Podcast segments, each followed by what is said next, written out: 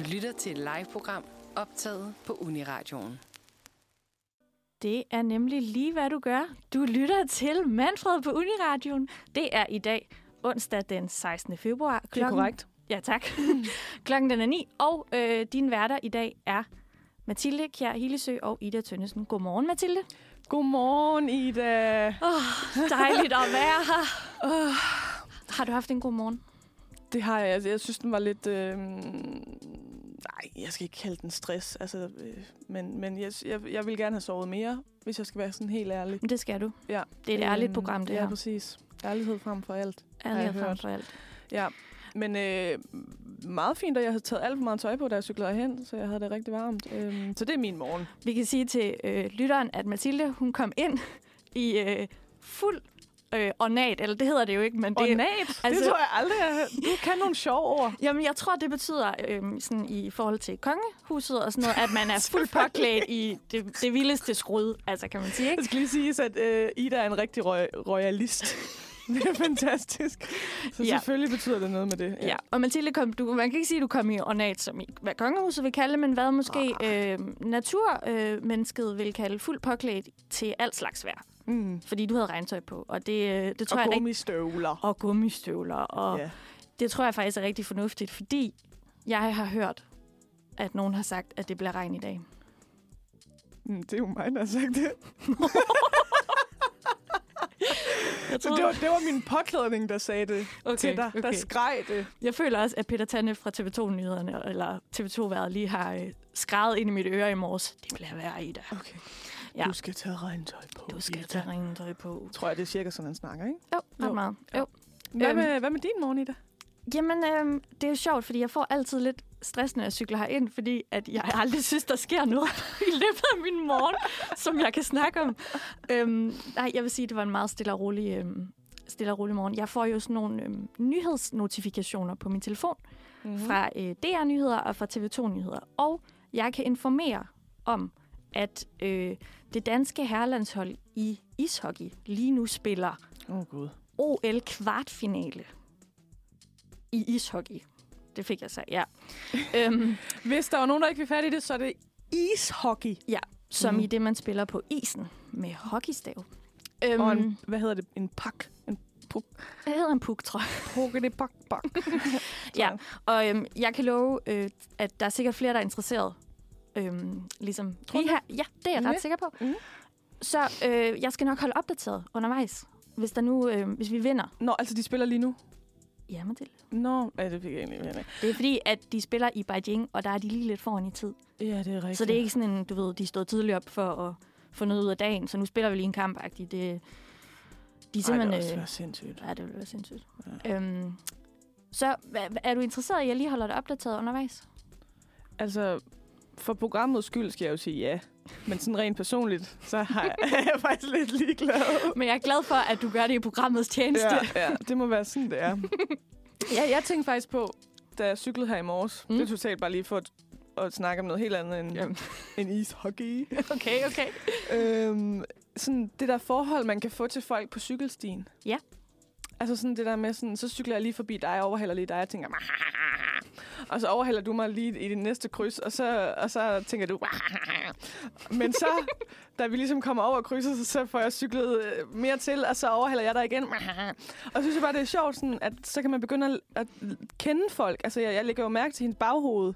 Ja, Så jeg tænker sådan lidt på, sådan, hvad nu hvis jeg... Altså, sådan, der kommer sådan en konkurrence op ja. i en. Så nu kender jeg det her menneske, jeg har konkurreret med i 30 minutter. Eller okay, måske har vi ikke fulgt det hele vejen. Men sådan, jeg synes bare, det er smukt. Det, jeg synes, det er smukt. Altså, det er næsten ligesom ishockey. Eller, jeg ved det ikke. jo, men der er, noget, der er noget konkurrence i det, det kan jeg godt se. Ja. Men Så jeg har holdt mit eget lille OL her til morgen. vandt du? Apropos. øhm, nå, men vi skal også igennem et øh, godt program i dag. Du vandt overhovedet ikke. Nej. Du havde ellers alt udstyret på til Ja. det jo. ja, Ej, måske var, det, måske var det netop, fordi jeg havde for meget vinden kunne tage. Ja, det er jo, altså cykelryttere har jo sjældent meget på. Ja, præcis. Og de har bare bedre ben og alt muligt. Ja. Og det har jeg altså heller ikke lige fået gjort de sidste par dage. Ved du hvad, det er sgu nok det, der er Ja, det tror jeg årsagen også. til, at du tabte. Ja, det tror jeg også. Ved du hvad, Mathilde? Øhm, det er godt, at vi begge to er nået herind, trods regn og, Og slud, og slud. som slet ikke er aktuelt endnu. Men. Ja, men det kommer. Ja. Øhm, fordi vi har et sindssygt dejligt program til jer, som vi Ja. lige har øh, ældet sammen i løbet af ugen her. Og vi sidder jo, det synes jeg lige, der skal siges, vi sidder jo i dejlig, dejlig sådan hyggebelysning. Fordi må der man er sige. blevet sk- skåret en, en ledning over til vores lys inde i studiet, så vi har sådan en lille sød lampe i Ja. midten. Det er lidt som at sidde, og så er der sådan en rød lampelys, og så på en måde er det sådan lidt... Øh, Bordel. Ja, sådan lidt... Jeg ved Det var det, du ville sige, ikke? Du ville sige bordel. Oh, jeg vil gerne komme på et andet ord, men Nå. i hvert fald øh, sensuel. Nej, må jeg lige sige noget apropos... apropos model. Da jeg var lille, Det vil jeg ikke høre. da jeg var lille, så skulle jeg sove hjemme med nogle af mine forældres venner. Øh, og så havde jeg fået sådan en, en lille ny lampe, som er sådan et, et rødt hjerte. Ja. Man sådan tænder, den har kørt på batterier og sådan. Mm-hmm. Og, øh, og den ville jeg gerne have med derhen. Jeg synes, den var lidt hyggelig og sådan noget. Og så stiller jeg den op i vinduet nede i det der rum, jeg, jeg sov i. Det var sådan nede i kælderen i deres, i deres hus. Og så kommer hun ned der om, om aftenen og skal sige godnat og sådan noget.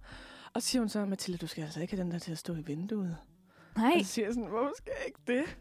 Det er da mærkeligt. Hvorfor må den ikke stå der? Ej, men det ligner altså så meget, vi har kørende et bordel hernede. Hvis du, hvis du har sådan en rød lampe stående i vinduet.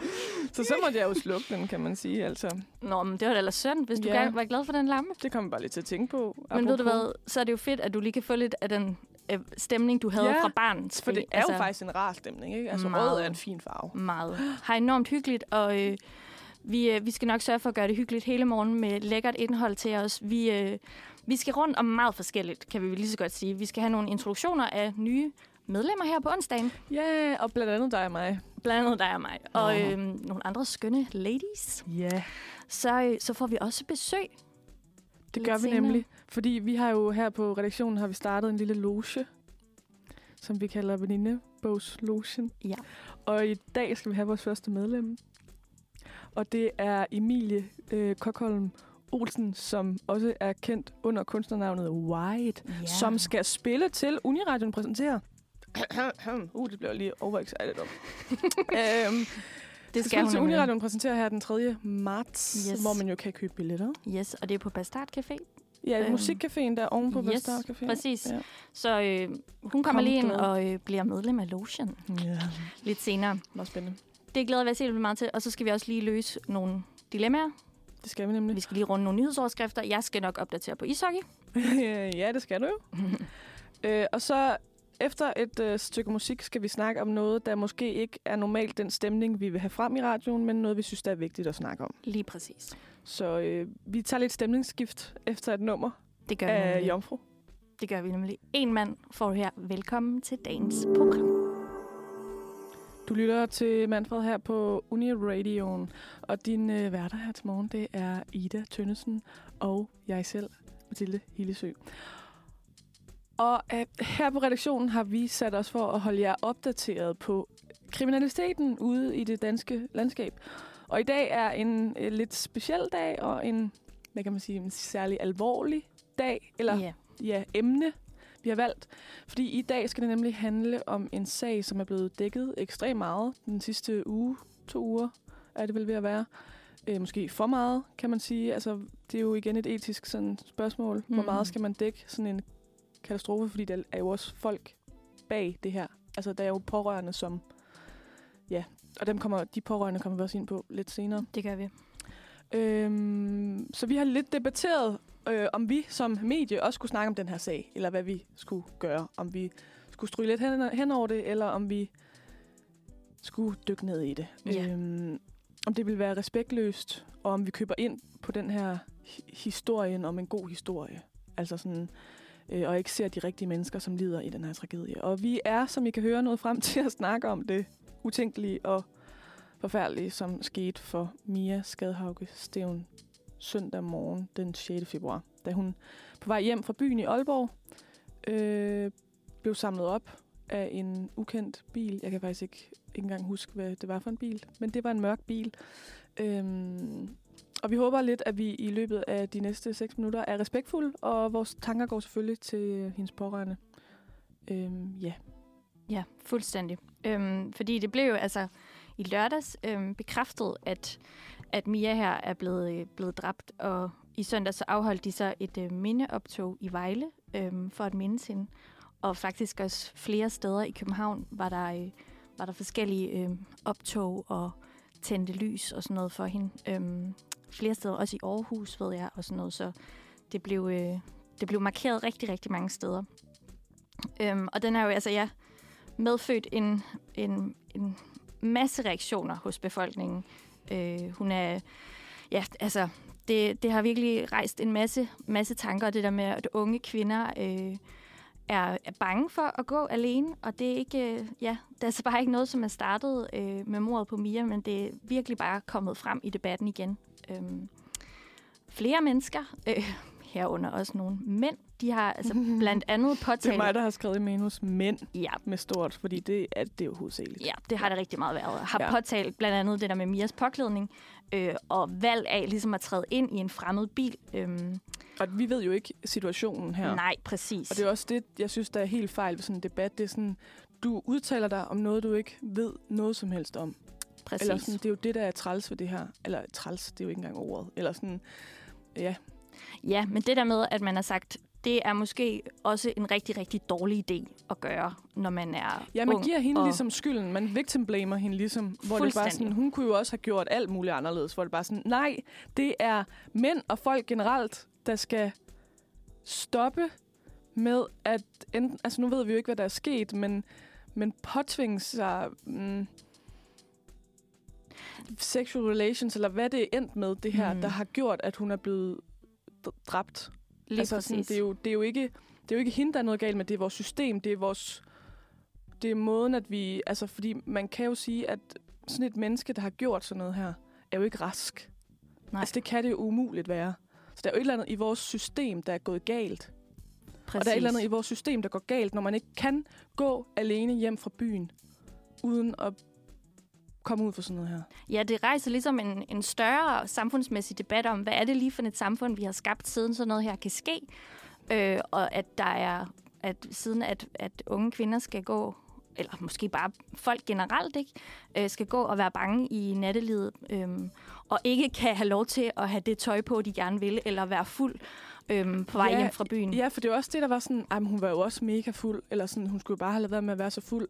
Sådan, alle er fulde på det her tidspunkt i Jomfru Anegade klokken 6 om morgenen. Selvfølgelig er de det. Ja. Og hun havde jo ikke engang øh, hvad, det, jeg vil kalde for udfordrende påklædning. Hun havde lange bukser på, og så en top. Jeg tror, det er toppen, de sådan, det der med, at hun ikke havde en jakke på, eller, eller et eller andet. Jeg tror, det er det, de påtaler. Ja. Øhm, Blandt andet, altså, øhm, det er der så en...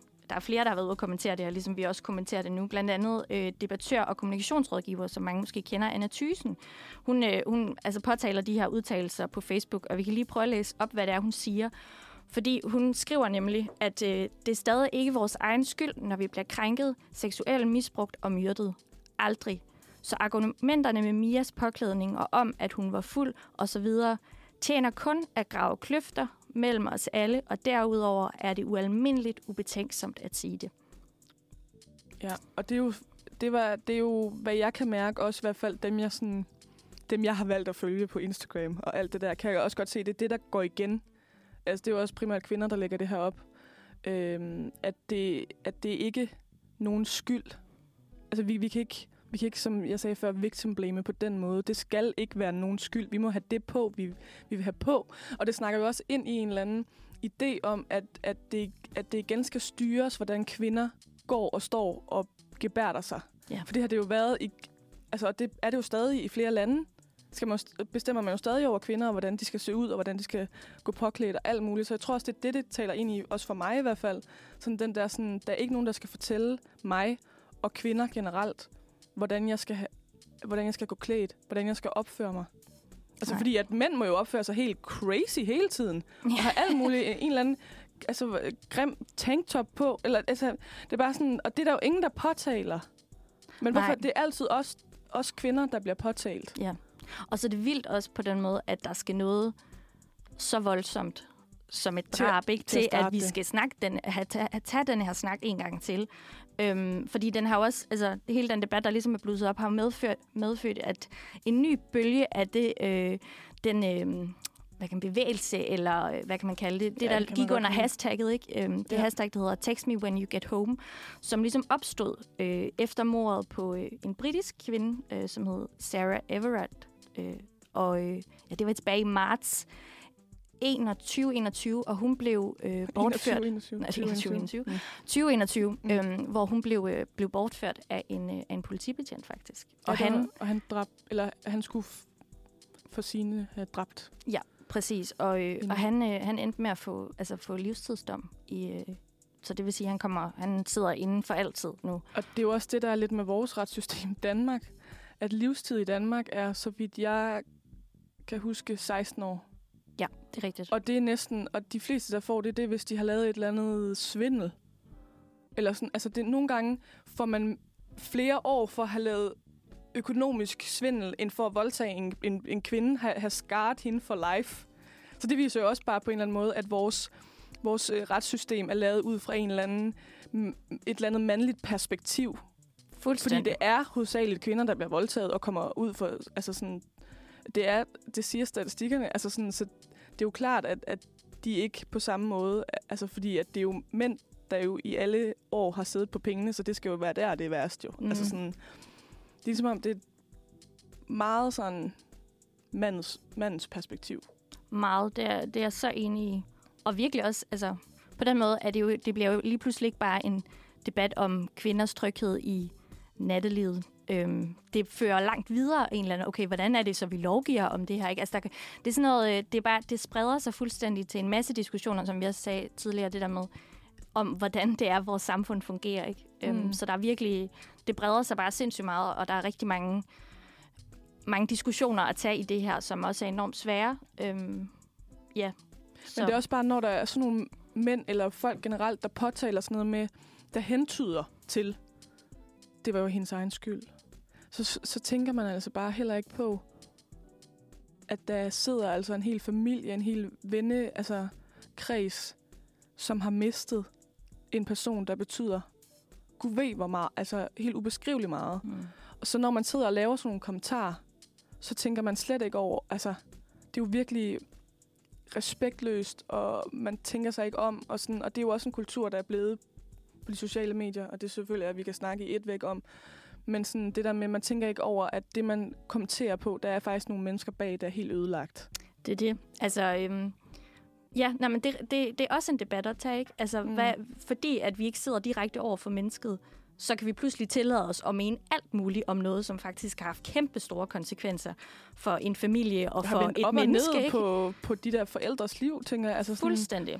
Jeg havde en, øh, en veninde tilbage i- på efterskole, som et halvt år efter vi var stoppet, tog sit eget liv. På, øh, Og hendes mor fik lavet sådan en mindeside til hende. Øh, og det var tilbage i 13, det her. Hun skriver stadigvæk ind i den der mindeside, lægger stadigvæk billeder op. Altså sådan, jeg, jeg tror slet ikke, man kan sætte sig ind i det, i hvor hårdt det er at miste et barn. Altså man, man tænker jo, at man, man, hvad kalder man det, udlever sine børn, eller sådan, man, man dør før en, man skal se ens børn selv gå igennem sådan nogle ting. Altså sådan, det, det må være, altså jeg kan slet ikke, jeg har jo ikke børn, jeg kan slet ikke sætte mig ind i det, men det må virkelig bare være helt forfærdeligt. det må og det også at vide, at det var uretfærdigheder, der tog hende. Ja. Altså, Og det er derfor, vi skal være så mega forsigtige med, hvad det er, vi siger, og hvad det er, vi udtaler os om. mm. øhm, og hvad vi ligesom, øh, hvem vi øh, giver skylden for hvad. Øh, I hvert fald, så er det ikke øh, Mias skyld, det her. Øhm, det er det ikke. og det synes jeg bare er rigtig vigtigt lige at... Og jeg synes, at fokus øh, en god ting at slutte af på, slutte den her snak af på, det er et, øh, et opslag, som Mias forældre lavede på Facebook, hvor at de skriver, at dø i forsøget på at leve er bedre end ikke at leve af frygt for at dø. Ja. Så det taler ligesom ind i den her debat om, at, at efter alt det har sket med Mia, at folk, unge kvinder, er bange for at, at gå alene, er bange for at tage ud og, og more sig og blive fulde og gøre det, unge, unge nu gør. Øh, så jeg synes bare, det var selv i al den sorg, de må være ude for lige nu, at de kan give det til os. Eller sådan, det synes jeg, der var meget smukt. Helt vildt. Det, det er noget, man skal, man skal huske på. Det er et sindssygt, sindssygt vigtigt budskab. Og nu, øh, nu fik vi også lige vendt det her, fordi ja. Vi synes, det var enormt vigtigt lige at, Det synes vi nemlig. at snakke om og lige sætte nogle ord på. Øhm, så Vi håber, at, øh, at I kunne bruge det til noget. Ja, At det fik jeg noget til at tænke over. Og så igen, øh, vores tanker går ud til øh, alle Mias øh, pårørende. det gør de helt klart. Og nu øh, skal vi høre noget musik. Nu, øh, som det så er i sådan nogle programmer her, så, så skifter man typisk fra den ene yderlighed til den anden. Øhm, og det kan nogle gange synes lidt mærkeligt, men det, det gør vi altså, fordi Ja, nu skal vi lige... Uh, ja, man ryster det lige af sig, Ja. og så, øh, så er vi klar til, til noget helt nyt. Og, øhm, og det helt nye, det er mig. Ja, ej hvor dejligt. Ja, fordi det er sådan, at øh, vi er jo onsdagsredaktionen, som er en helt ny redaktion øhm, mm. i forhold til sidste semester. Så derfor har vi øh, i sidste uge øh, præsenteret en masse nye medlemmer. Og Halvdelen? Vi, halvdelen, fordi Mm. vi blev ikke færdige. Nej. Vi mangler blandt andet mig. Ja. Vigtigt. Eller, ja. Øhm, ja, det er vigtigt. Nu skal du stå ved dig selv, Ida. ja, tak. Ja, bum. Velkommen til mig. Ja. Øhm, Meget vigtig ja. person lige der. Præcis. Skal jeg lige kort starte med at lige sige, hvem jeg er, ikke? Jo, jo, jo. Bare giv den gas. Jeg hedder Ida Tønnesen. Min Instagram er... Nej. Øh, jeg, jeg læser retorik på fjerde semester, og så laver jeg det her dejlige radio øh, hver onsdag, øhm, og er redaktør på noget, der hedder Retorisk Arena, som Nej. er sådan et øh, online øh, magasin, populærvidenskabeligt magasin, hvor vi skriver om retorik og kommunikation, og som det så fint hedder, sætter det i relation til samfundet. Ej, hvor er det smart. Det er skidespændende, så øh, alle, der har lyst, skal altså helt klart gå ind og lige øh, tjekke det ud. Det er mega spændende. Vi har nogle fede artikler. Så det var som, lige som sådan du en, skriver, eller du er bare redik- eller bare redik- okay. Jo, tak for wow. det, Mathilde. Det, det er- var ikke det, jeg mente. Nej, ja, det er super kompetente og dygtige folk, der skriver de der artikler, og jeg er så den, der lige siger, du mangler et komma, eller ej, Ah. altså lidt mere end det nogle gange også, ikke? Men, øh, men det er ikke mig, der, det er super dygtige folk, der sidder og skriver det. Så du øh, er super dygtig. Du har skrevet en bog. tak, du er meget sød. Men øh, det, øh, det, det skal Nu handle kan om... jeg dig ud af den med mit kompliment. Kunne Ja, du mærke det? jeg kan slet ikke. Øhm, Nej, nej, nej, stop. I, I stedet så, øh, det der ligesom er øh, konceptet for de her introduktioner, det er, at vi ligesom tager noget med, vi gerne vil tale om. Mm. Og øhm, apropos tale, Mathilde, så har jeg lige taget et lille lydklip med. Jeg ved ikke, Ja. om du lige vil sætte det på. Jo, ja, der er ikke noget, jeg heller vil. Tusind tak. I have a dream that one day on the red hills of Georgia, sons of former slaves and the sons of former slave owners will they be able to sit down together at the table of brotherhood. I have a dream. Herre Børge, herre venner. Ja, jeg er jo ikke taler. Så, så, Kjeld, nu, nu bare roligt. I take pride in the words, Ich bin ein Berliner. Gud bevarer Danmark. Må jeg gætte? Ja, Øh, vi skal snakke lidt om taler. fuldstændig rigtigt, Mathilde. jeg lavede ligesom en sådan lille potpourri Ja, af af taler. skide dygtige taler. Ja. Øh, det var Martin Luther King. Og øh, hvem, kunne, hvem var det i midten? Altså efter mig, altså der var i hvert fald kæld på et tidspunkt. Lige præcis. Ja. Ja. Kjeld, og så var det John F. Kennedys berømte Ich bin ein Berliner. Og til sidst vores allesammens dronning Margrethe. Ja, som du godt kan lide. Ja, det kan jeg nemlig. Men det er fordi, at jeg kunne godt tænke mig, at vi snakkede om det at tale. Ja, Holde taler. Og Nå, det er ja. fordi, at... det er øh, at tale det er med fordi, munden ja, og ord. Lige Ja. præcis. Godt. Jeg har et, øh, jeg lige startet på et fag nu, der hedder mundtlig retorik og rådgivning, hvor vi skal både skrive, men vi skal altså også holde taler. Og jeg hader, Hader det. det. Altså, Okay. jeg, jeg elsker at skrive taler. Det synes jeg er vildt sjovt, men jeg bliver frygtelig nervøs, når jeg skal holde taler. Mm. Mathilde, har du holdt nogle taler selv? Tak for, at du spørger. Altså, jeg prøver jo at øh, tage hver øh, begivenhed som en... Øh, altså, at jeg kan holde en tale. Eller, altså, jeg, jeg kan jo godt lide at vise mig selv. Ja, men Jeg kan godt lide at holde taler, Ida. Jeg Men- synes, det er dejligt, og jeg har gjort det mange gange. okay, er det sådan, øhm, kære farmor, øh, tillykke med fødselsdagen taler? Altså, det vi... Øh, Det er det også. Og jeg, men jeg, det var også mig, der blev udvalgt til at holde tale i 10. klasse, da vi skulle have galler. Ej, okay, tillykke. Ja. Wow. Og så også hver gang mine bedsteforældre har holdt noget lidt sådan større fødselsdag-agtigt. Og til min konfirmation skrev jeg også en tale og en sang. Hvor er du vild. Jamen, jeg er faktisk vild. Det er faktisk rigtigt. Nå, men vil du høre lidt med, om mine taleerfaringer? Ja. Jeg, øh, jeg holdt dimensionstalen på mit gymnasium. Hold da I op. 3. G. Ja, tak. Er det ligesom de der val- valedictorians i, øh, i amerikanske film? Der holder Øh. den der sådan, we will make it. It's funny that we just... Nej, jeg ved faktisk ikke, Tænker du ligesom siger. Steve Jobs, når de graduerer fra øh, college-agtigt?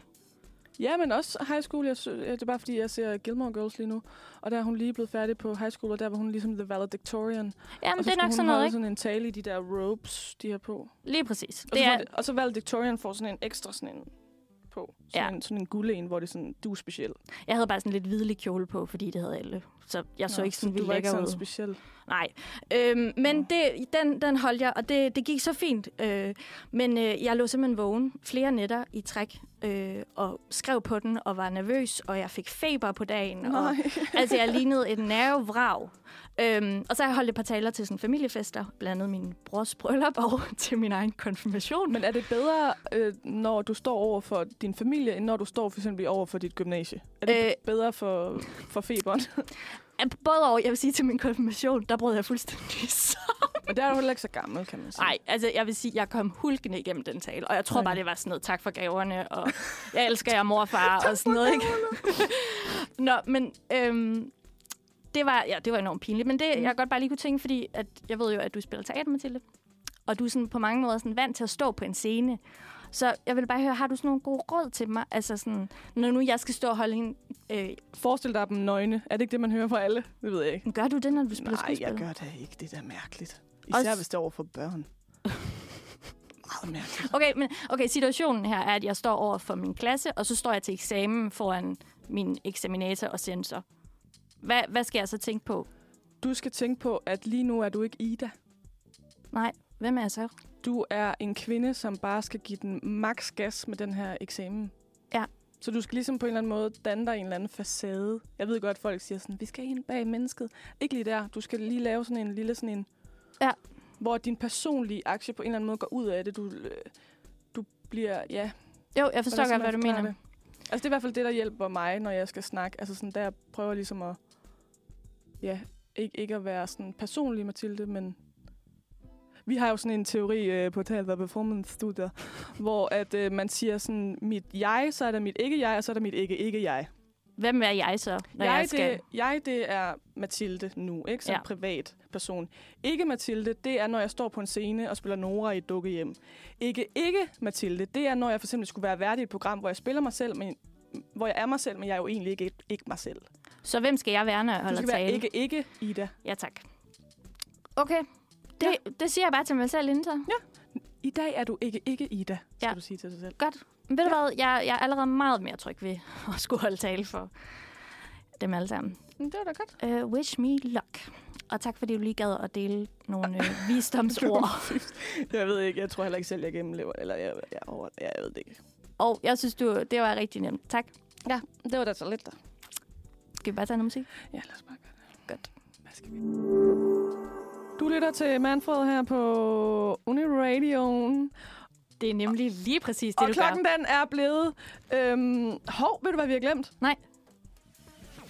Du lytter til Manfred, Uniradions formiddagsprogram, som sender alle hverdage fra klokken 9 til 11. Kan du heller ikke få nok af verdens bedste formiddagsprogram, så hop over på din podcast-platform og dyk ned i interviews samt udsendelser. Hold dig opdateret på, hvad der rører sig ved at følge os på Facebook og Instagram.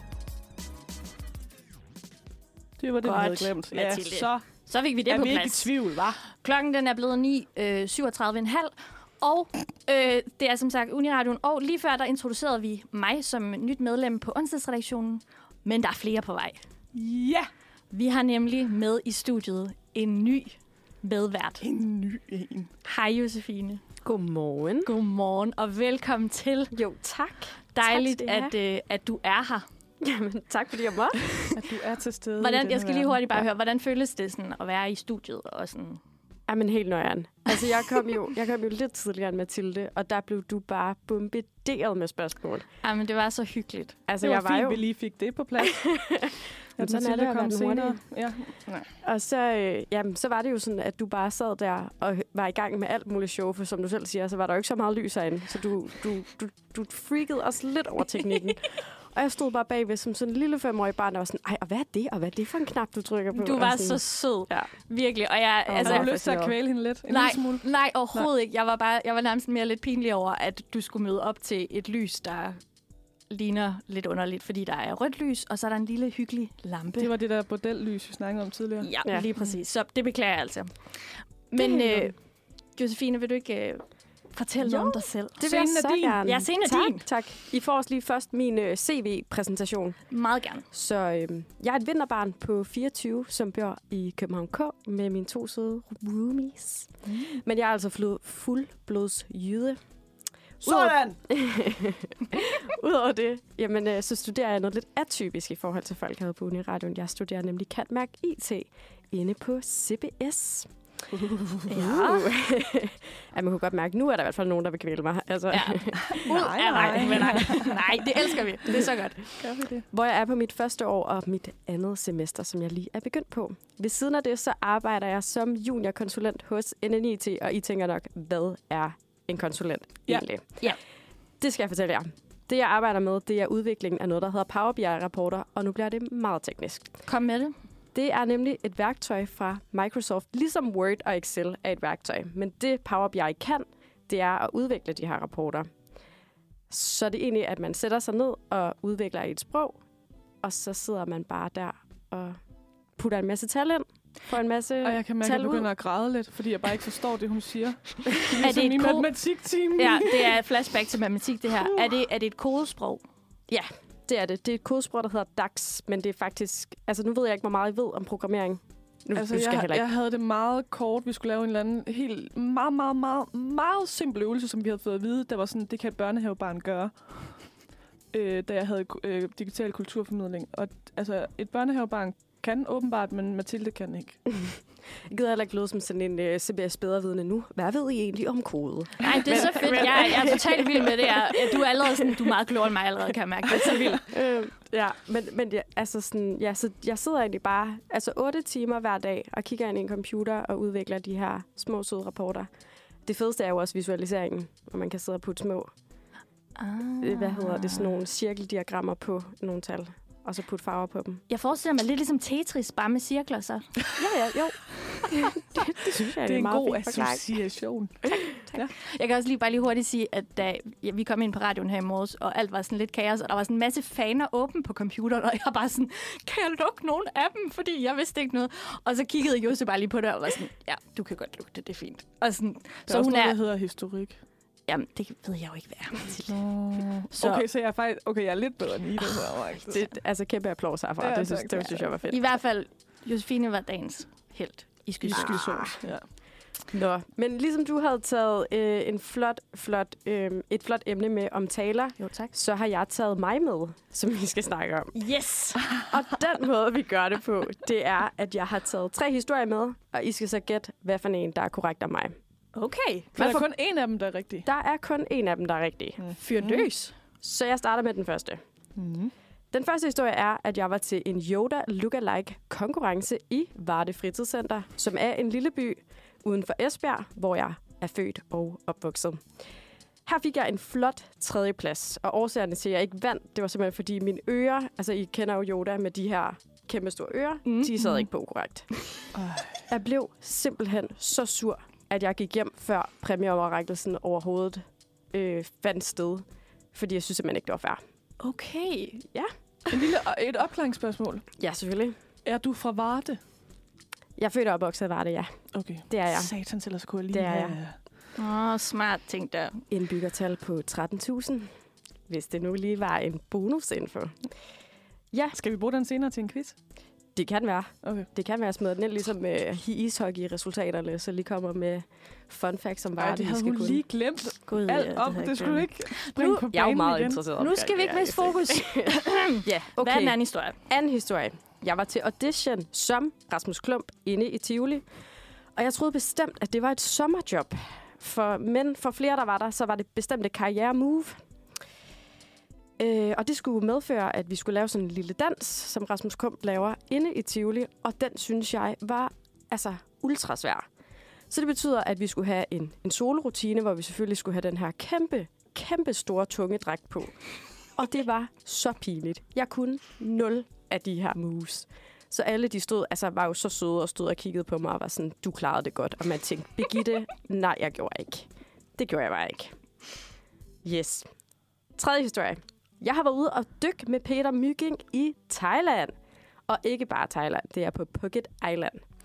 Historien er, at mine rejsemarker og jeg, vi var blevet alt for fulde dagen før, så vi havde de underste tømmermænd, altså totalt solide tømmermænd. Men vi havde altså betalt for den her dykkertur, og jeg er altså lidt for meget jyde til ikke at tage afsted.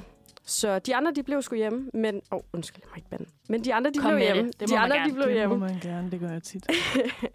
De andre, de blev hjemme. Men, øh, men jeg skulle simpelthen afsted. Jeg skulle ud på den her dykkertur.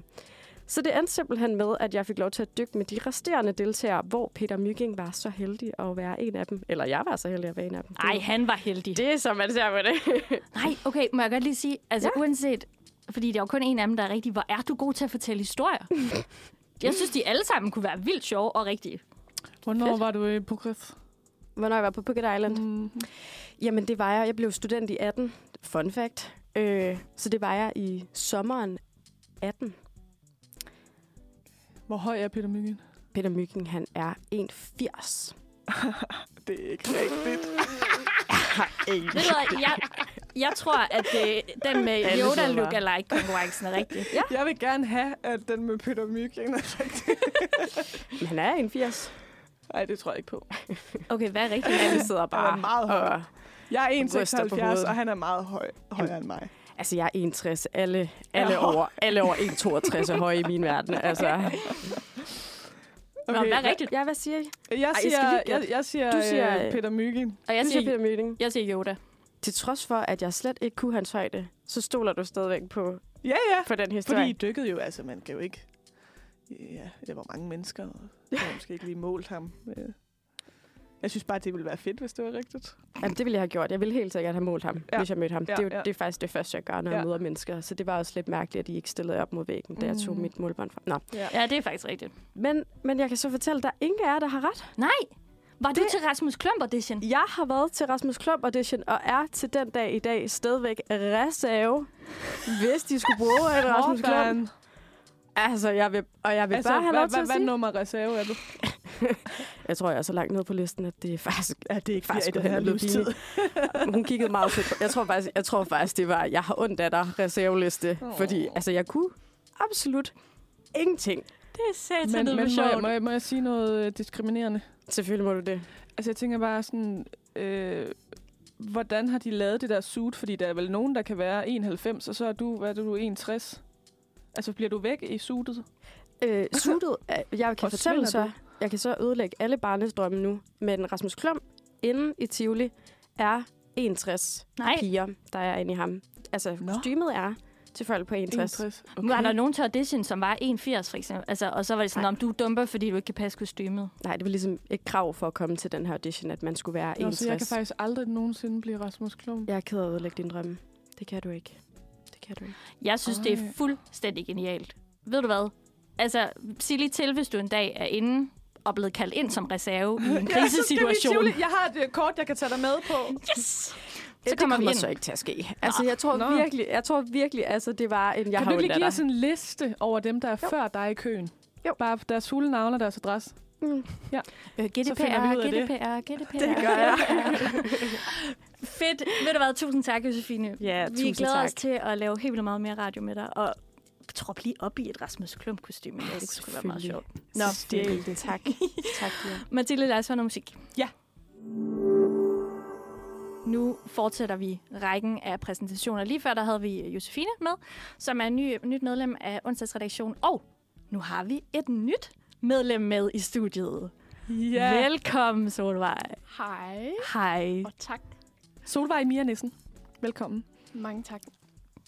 Solvej, du er jo også ny her på redaktionen, og du er faktisk den øh, eneste, som... Øh, nu smider jeg dig under bussen, ligesom Josefine smed mig under bussen før.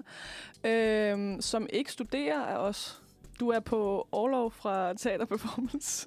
Så hvad er det du egentlig, du laver lige nu? Det er du- faktisk ikke helt rigtigt, for Nå. jeg studerer. Jeg studerer bare ikke ude på KUA længere. Hvad Øh, studerer du? Jeg studerer Living Your Lattes. Er det et Og, studie? hvad, og det bliver du lige nødt til at fortælle studie. om. Øh, det er et deltidsstudie, mm. øh, som er en blanding mellem yoga, dans og pilates og meditation. Åh, oh, hvor lækkert. Ja, så jeg bliver udlært instruktør til sommer. Mm. Så jeg Mhm. studerer, men, ja, men ikke, ikke uni... akademisk. Øh, ja. Nej. Det lyder så fedt. ja. Det er Kan du også. fortælle lidt mere om, hvordan øh, kom det i stand, at du, øh, at du skulle vælge det?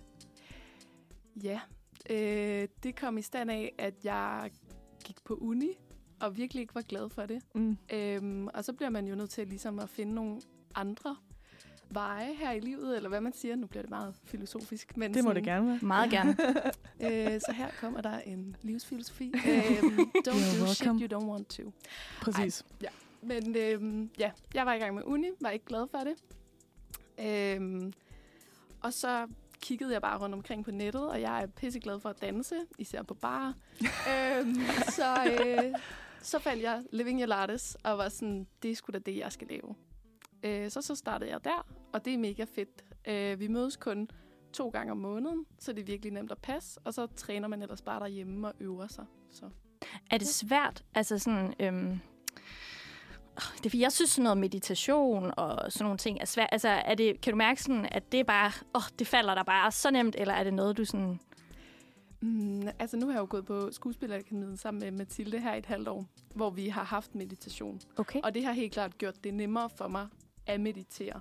Men altså, jeg falder også i søvn, når jeg mediterer. Altså, sådan, det, det er bare helt normalt, at man ligesom kommer til at summe lidt ud og summe tilbage.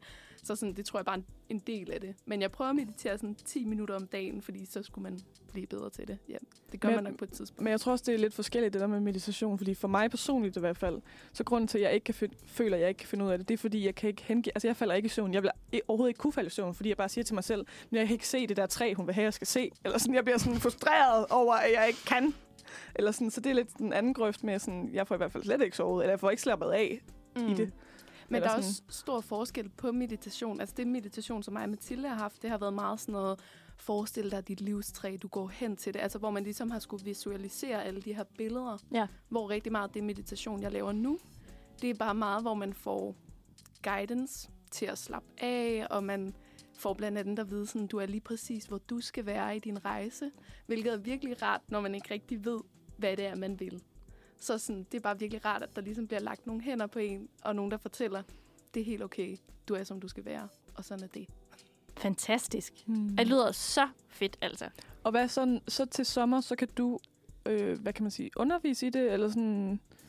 Ja, til sommer så er jeg så udlært Living Your Lattes Instructor. Så så kan jeg ligesom gå ud og sælge mit brand, som at nu jeg er instruktør inden for det her. Mm. Ja. Og hvad, er der sådan nogle studios, der sådan, øh, hvad kan man sige, kører med det, eller, skal, eller hvor, hvor vil man kunne få, hvad kan man sige, jobs, eller hvad man kan sige? Øh, altså, der er højskoler, Testrup Højskole, hvor Mm. jeg selv har gået. De har Living Your Lattes som valgfag. Øh, og ellers så, ja, så er det meget sådan noget, kom hen i et fitnesscenter, eller find et studie, hvor du kan være eventuelt. Øh, jeg tænker, de fleste yogastudier er nok meget specificeret på, at man skal ligesom have en yogauddannelse. Og det her, det er jo mere en blanding mellem ting. Så sådan, der tror jeg helt klart, at jeg skulle lave en viderebygning, hvis jeg vil ind i et yogastudie. Men ja. Mm. Det lyder så dejligt, synes jeg. Og mega sejt også, at du gør noget andet, når du kan mærke, at universitetet, det er sgu bare ikke fedt lige nu. Altså, at du så tager overlov og siger, nu prøver jeg noget helt andet. Det synes jeg bare er kæmpe respekt. Tak. Hvad hedder det? Solvej, du har noget, du gerne vil snakke med om os, eller hvordan er det? Ja, det har jeg så. øh, jeg, jeg har lige fundet noget frem. Øh, jeg, har, jeg har et godt råd med. Nej, øh, ja, eller faktisk har jeg to med. Ej, kom med dem. øh, Og jeg, det bliver jo ved. ja, jeg Fantastisk. cyklede herind, så mit første råd er, brug en hjelm. Øh, det gør jeg selv. Væltede du? Nej, det gjorde jeg heldigvis ikke. Men øh, der er sindssygt mange i København, der cykler uden hjælp. Nej, Hjælp os. Det er, ja, det uden cykler hjelm. de også. Ja, ja. Nej, uden støttehjul. ja. Uden hjælp. Mm. Ja. ja, det gør de. De cykler uden støttehjul, uden hjelm. Ja. Ja. Men det er hjelmen, du anbefaler det, primært, det er hjelmen, ikke? Det er hjelmen, jeg anbefaler, ja. Har du hjelm på her til morgen, Mathilde?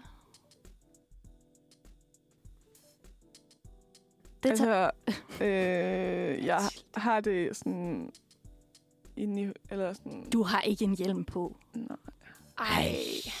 Nå, den er, den er ud til dig og alle, Men det der er fordi, ikke så kan ikke min høretelefon om på. Ej, og det er nemlig den værste undskyldning. Der er så mange af mine venner, der plejede at cykle med hjelm, og så er de sådan, ej, men så er der ikke plads til mine nye høretelefoner, hvor jeg er sådan, Ej. Men det er jo en undskyldning. Det er jo ikke derfor, jeg ikke gør det. Det er jo, fordi jeg ikke gider. Ja. Jeg har seriøst, vi har kendt hinanden i et halvt år nu, og jeg har virkelig prøvet at, at dreje samtalen til noget andet, hver gang du begyndte at have den der øh, hjelmedebat op. og så kommer Ida her Ja, og spørger undskyld, mig. undskyld, undskyld. Jeg synes bare, det er jeg vigtigt. vidste, det ville ødelægge vores venskab. Det jeg er bare. mega vigtigt. Jeg er glad for, at du bringer Ja. sagen op. Tak. Jamen, Også det er fordi, vigtigt. at Pas det på bare hoveder være- derude. Ja. Også fordi det ville være mega rart, hvis vi alle sammen dukkede op med mega klamt og svedigt hår, frem for det er også fornuftige mennesker med en fucking cykelhjem, der er mega klamme, hver gang vi kommer. Ja, så jeg synes, vi ikke skal klam. gøre det af sådan solidaritet for os andre, der er bange i trafikken. Jeg kunne. Altså, amen, halleluja. Det er så godt sagt. Havde du et andet råd også, egentlig? Ja, men nu blev det her jo lidt langt. Nå. Bare Øh, kort Kom, kom med et. Ja, man må, man må og skal kun bekymre sig et kvarter om dagen. Ved du Men hvad? hvordan gør man det? Ja, hvordan gør man det? Det er sådan, at tanker, de er der, og de skal være der. Men når man får en bekymrende tanke, så siger man til sig selv, det tager mig lige af klokken 20.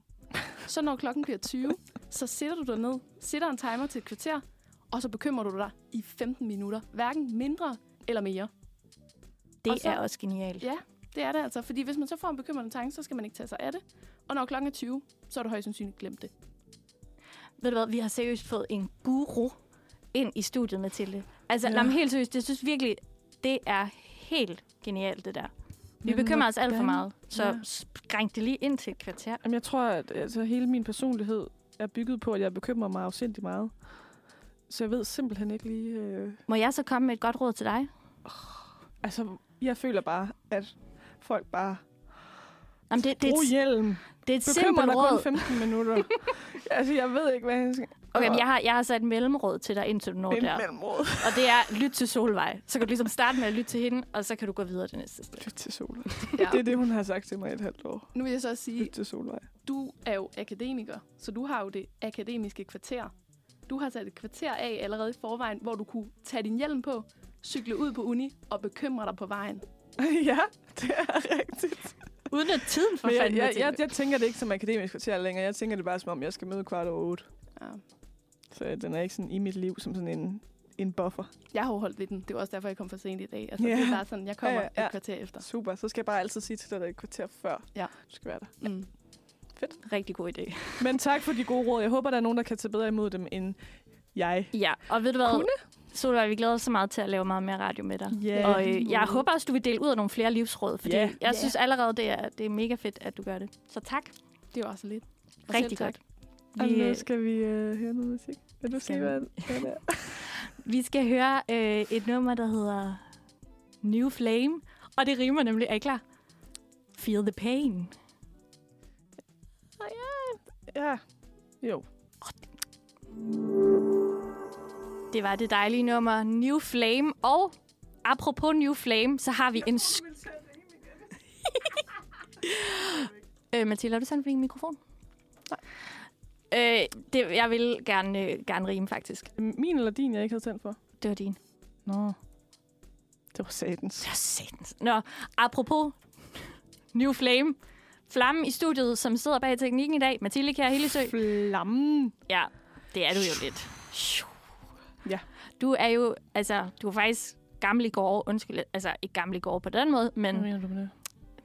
altså, du har været her længe på Manfred. Det er da også. Ja, det har. Men, ja, men vi skal, men vi skal præsentere dig alligevel. Ja, det er rigtigt. Det var fordi, jeg tænkte, at, øh, at øh, den gave skulle I også have. Det vil vi så gerne. Så velkommen til, Mathilde. Tak skal du have, Ida. Det var dejligt, at jeg måtte komme. Det er så skønt, at du, øh, du vil være her. Ja. Kan du ikke fortælle lidt om dig selv? Så det... jo, jeg kan sige, at jeg hedder Mathilde Kjær Hillesø, som øh, jeg tror, vi har sagt fem gange nu. Øhm, og jeg kommer fra en lille by i Vestjylland, som hedder Lemvi, øhm, og tager på ferie der. Det er dejligt. Ikke flytte til, det er lidt kedeligt. og øh, når jeg de synger Lemvi i VLCJ-sangen, hvis man skulle være i tvivl, så Hvor synger de det henne? Øh, de har et helt vers om Lemvi. Åh, oh, undskyld. Vi tager fra hvem fra morgenen af, tager over Lemvi og kører derfra, tager ud mod kysten, hvor den ender helt i Typerøn. Og toget kommer så til Lemvi. Et smilehul ved fjorden. Ja, det er ikke i dag, jeg skal synge, men, men det, det, det er et vers. Okay, så du er fra et berømt sted.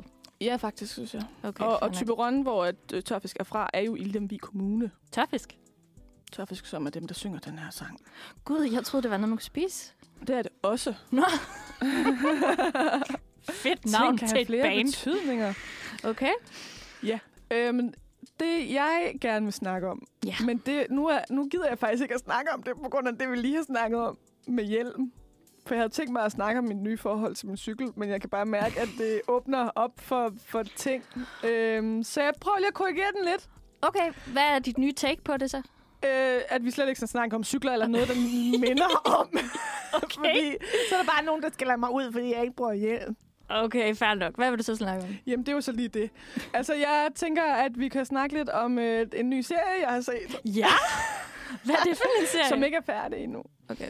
Øh, uh, vi kunne også snakke om... Ej, der er så mange ting, vi kunne snakke om. Ej, jeg er slet ikke forberedt nu, fordi jeg har ødelagt det. øhm, Ved du hvad? har du set den der serie øh, Pam og... Øh, og hvad den hedder? På Disney+. Plus? Jeg har ikke Disney+. Plus. Og vil du godt please sige Disney+. Plus? Fordi Disney+, Plus, det er ligesom... Åh. Oh. Ej, undskyld, nu bliver jeg bliver meget. Det er, det er sådan, man, der er bare nogle ting, man skal sige på dem. Det er ligesom, når folk siger HBO. Og nej, det hedder HBO. Ja, så for, det forstår jeg ikke. Ej, så. jeg kan godt se, nu så, så er det. det meget modsigende. Altså, nu sidder du her og skælder mig ud, fordi jeg er international. Og så er du selv dansk slash internet. Altså, jeg, jeg, Okay, okay. jeg, kan ikke helt mærke, hvor du vil hen. Nej, det. undskyld. Jeg afbrød dig. Ja, Disney. Plus har en serie. ja Hvad hedder som den? hedder noget, jeg har glemt nu. Noget med Pam. Det er pa- Pamela Andersen i hvert fald. Nå. Og, en, og hendes eksmand, som da de var gift i tre år, var de gift. Øhm, der blev der leaget sådan en sexvideo om Nej. dem. Og det er så historien bag. Altså sådan, og det er nemlig Sebastian øh, Stan, der, er, øh, hende, der spiller øh, manden. Og han er bare en, en virkelig flot mand. Jeg kan godt lide ham. Altså, det er ikke en dokumentar. Altså, det er en... Nej, nej, det er fiktivt, men det er baseret på den her historie om det. Så jeg tænker, at de har taget sig selv nogle friheder, men det er sådan derovre af. Og hende, der spiller Pamela Andersen, hun er bare så fucking god. Altså sådan, Har hun store læber? Jamen, de har virkelig bare lavet hende godt. Det ligner sygt godt, og hun har den der, så snakker hun der en meget lys stemme. og, hun, og jeg har set hende spille noget andet før, så det er jo ikke sådan, hun er. Hun er bare virkelig god til det her karakter. Fuck, ej, jeg synes, det er så godt. Se den, hvis, eller lån folks Disney Plus. Og se den. Det vil jeg bare gerne sige. Okay. Jeg synes bare, det er sådan en grinderende historie. Og så vil jeg gerne øh, snakke lidt om noget, vi har snakket om tidligere. At øh, jeg er jo så langt på mit studie, at jeg snart skal ud i den virkelige verden. Nu ved jeg godt, hvad du snakker om. Ja. Kom med det. Og så er det jo sådan, at jeg øhm, synes... Altså, hvad sker der? Vi har lige fået tændt igen. og slukket, altså herinde i studiet. Nå, ja, dejligt, vi har lys igen. Uh, nu kan jeg virkelig se, hvordan I ser ud. Det er lidt skræmmende. Ja, det Ja. Nå, men i hvert fald, så synes jeg bare, så er jeg bare sådan virkelig nede over måden, vi bliver sådan omtalt i alt det her sådan øh, dimittent dagpenge debat, hvor at, at, at vi de snakker til os som om, at vi ikke vil ud og arbejde. Der skulle da ikke noget, jeg hellere vil. Men hvordan skal jeg nogensinde komme ud i arbejde, når jeg kommer ud til et arbejdsliv, hvor de vil have, at jeg skal have 10 års erfaring, Ja. Jamen, det er, jeg når er jeg er totalt enig. nyuddannet? Og så vil, de, så vil de øh, give mig mindre end SU, men de vil stadigvæk have, at jeg skal betale for meget, mange flere ting. Så hvordan i hele hulen. Og jeg ved godt, jo, de har det meget værre andre steder, men det er også derfor, jeg godt kan lide at bo i Danmark. Det er fordi, vi bliver hjulpet. Helt det er jo enig. det, der er hele Danmarks identitet. Vi er Danmarks, det er vi ikke sådan rent statistisk, statistisk, men vores identitet udadtil er, at vi er verdens lykkeligste land, fordi vi er bare sådan et glad, et glade folk. Og det er fordi, vi har vores velfærdssystem, og det er det, jeg godt kan lide. Og jeg betaler min skat med glæde, sådan at jeg kan få en god dimittentsats, når jeg er færdig på mit studie, så jeg har lidt tid og overskud til at vælge det der gode job, eller tage et eller andet praktik et eller andet sted, så jeg kan få de der 10 års erfaring, som man skal have. Altså, jeg, bare, jeg, bliver bare, jeg bliver træt i det. Ved du, nej, og godt, du lige fik det ud her. Tak. Øh, jeg, jeg er totalt enig, og jeg bliver, jeg, jeg bliver meget sådan... Folk skal ikke komme og sige, at vi ikke vil arbejde. Fordi der skulle ikke noget, man hellere vil, end at få et arbejde. Altså, det kan godt være, at der er nogle undtagelser ude i verden. Ja, men altså... Men, men Altså, ja, og der, er jo, bare- og der er jo altid de der, de der typer, som har svært ved at, sådan, at finde glæden i arbejdet, så derfor så er det måske nemmere at... Men, men bare det, der, det er virkelig en, en lav procentdel. Og, så det, og det er derfor, vi ikke skal gå ind og, og kigge på os som tal, men ligesom se... Altså jo, det er jo også sådan, hvis nu du snakker... Altså nu har jeg været på dagpenge i et halvt års tid imellem min bachelor og min øh, kandidat, fordi jeg tænkte, kan det være, at jeg kan komme ud i arbejdslivet uden min kandidat, fordi så vil jeg det. øh, det kunne jeg så ikke. Øhm, men der var det sådan, alle de samtaler, man har med sin, øh, sin rådgiver, både i job, på jobcenteret og sin A-kasse og sådan noget, de holder jo øje med, om man gør noget for det. Det er jo derfor, at de er der. Så det er bare derfor, jeg ikke... Altså sådan, de kan jo godt øh, se, når de har de her samtaler, og se på, hvad de søger, de forskellige. Og, og man skal jo også opgive en ansøgning, hvordan man skriver ansøgningen, så de kan se, hvad, hvordan man har, har skrevet det og sådan noget. De kan jo godt følge med i, om man er passioneret omkring at søge, eller om man bare sidder hjemme på sofaen. Det kan de jo godt følge med i. Så jeg synes bare, det er en dum måde. Også fordi, at så, så er det de, et eksempel er, at de siger, "Men så kan I jo bare få det arbejde nede i Netto, indtil I finder det arbejde, I gerne vil have. Hvor det bare sådan, for det første er det ikke fair over for Netto, at jeg kommer ned og sidder i et arbejde, jeg bare ikke kan lide at være i, fordi det er ikke det, jeg har uddannet mig til. Det er også synd for dem, som, som så altså, uddanner sig til det, at vi nedgør det til sådan et, man bare lige kan tage. Fordi det er ikke bare lige sådan at stå i Netto. Og Nej. de mennesker, der bare lige tænker, at det bare lige er sådan at stå i Netto, det er nogle bare lige idioter. Altså, altså undskyld. Nej, Men, nej, men altså- ved du hvad, du har, det er så meget på sin plads, og jeg synes, det er rigtig godt, at vi får det i talesat. Ja, fandme. Tak, Mathilde. Det var så lidt. Jeg er meget enig. Ja. Og det er bare det, jeg sådan... Altså, så har de jo begyndt at snakke om, at... Øh, og, det er bare, og så bliver jeg bare så... Åh, jeg blev så vred, da Mette Frederiksen i hendes nytår, nytårstale sagde sådan, ja, nu er vi jo så glade for, at vi har kommet med et nyt forslag til, hvordan vi kan få folk hurtigere i arbejde. I får os ikke hurtigere i arbejde. I gør os deprimeret og fattige. Det er, hvad I gør. Jamen, jeg, Amen. jeg er Hva? så enig. Altså, jeg er virkelig, virkelig... Og grunden til, at jeg kommer til at grine en lille smule, det er fordi, at du ser simpelthen... Så sur ud. Ja, der er meget engageret, og det elsker jeg bare. Så tak, Mathilde. Og jeg Ja. tror, at det var, jeg tror, der er rigtig mange, der er enige i det her. Ja, det Og, skal de øh, også være, fordi ja. det er fandme noget lort. Så skud ud til det, at du lige fik i Og tale. jeg, og jeg mener bare det der med sådan, at, at så er der også kommet nogle forslag til, at man kan gøre det efter et halvt år. Fordi der er jo i forvejen nogle regler om, hvor lang tid man kan være på, på dagpenge uden at have været i arbejde og sådan noget. Der er jo nogle regler, der er jo nogle regler, der skal overholdes, og det er ikke bare lige til, vil jeg godt lige sige, at være på dagpenge. Der er så mange ting, man skal tage højde for. Der er så mange ting, man skal udfylde. Der er så mange ting, man ligesom skal opdatere dem på, hvordan det går og sådan noget. For ellers så bliver den taget. Fra den ene dag til den anden bliver din, øh, din dagpenge bare taget. Hvis du lige glemmer at tjekke den mail, og ikke lige får gjort det der, som er meget nemt at gøre, men som, fordi du hele tiden lige skal være opmærksom. Så det er ikke bare lige, altså man sidder ikke bare på sofaen og ser Netflix, når man er på dagpenge. Fuldstændig Det er godt bare lige, Og, jeg, og som afsluttende bemærk. og må jeg bare lige knytte en kommentar til det. I sidste uge havde vi jo faktisk besøg af Andreas Andersen, som er med i Præcis. foreningen, også i Transit, som er en forening for folk, der står i den der overgang mellem studie og arbejdsliv.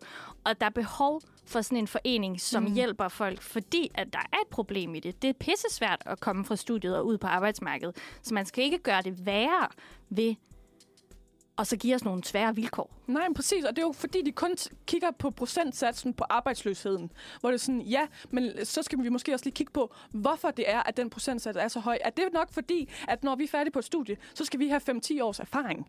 Ja. Hvor det er bare sådan, det kan vi jo ikke have. Og de vil gerne have, at vi er gode på studiet og ligesom sætter os ind i det og sådan noget. Men, men hvis vi- skal have fem års erfaring, inden vi kommer ud, så skal vi jo ha- have arbejdet sygt røven ud af bukserne i, under vores uddannelse. Ja. Hvordan skal man få tid til det hele? Altså, jeg kan da selv mærke sådan, jeg er lige så stille begyndt, nu er der et år til, eller halvanden år til, jeg er færdig. Jeg er lige så stille begyndt at stresse over, at jeg ikke har haft et studierelevant job.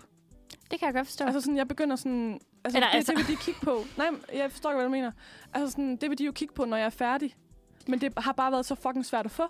Ja, og så er det det der med, ja, men som du også siger, vi skal både være dygtige på vores studie, og skal vi også lige have en masse øh, vigtige ting, vi kan skrive på vores CV undervejs, sådan, så vi også har et virkelig flot øh, øh, CV, vi kommer ud med, der kan, hvor vi kan alle mulige ting, og har alle mulige ekstra øh, egenskaber, som vi har fået Men på det er også det, arbejdsmarkedet. altså sådan, virksomhederne skal jo kunne se, at, at, at ellers så skal vi jo lave uddannelserne om.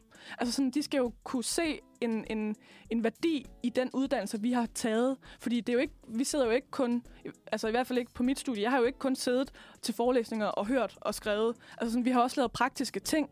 Så det må jo også gælde for et eller andet, for ellers er det jo ligegyldigt, at vi tager den uddannelse. Hvis de ikke gider at have os, altså sådan, så er det jo, så er det jo øh, altså, øh, noller, for at sige det pænt, at jeg sidder øh, på skolebænken i fem år, for at komme ud, og så de ikke gider at have mig. Jeg har Jeg, knoklet røven ud af bukserne med frivilligt arbejde og med alt muligt for at prøve bare at fylde lidt op på sit CV.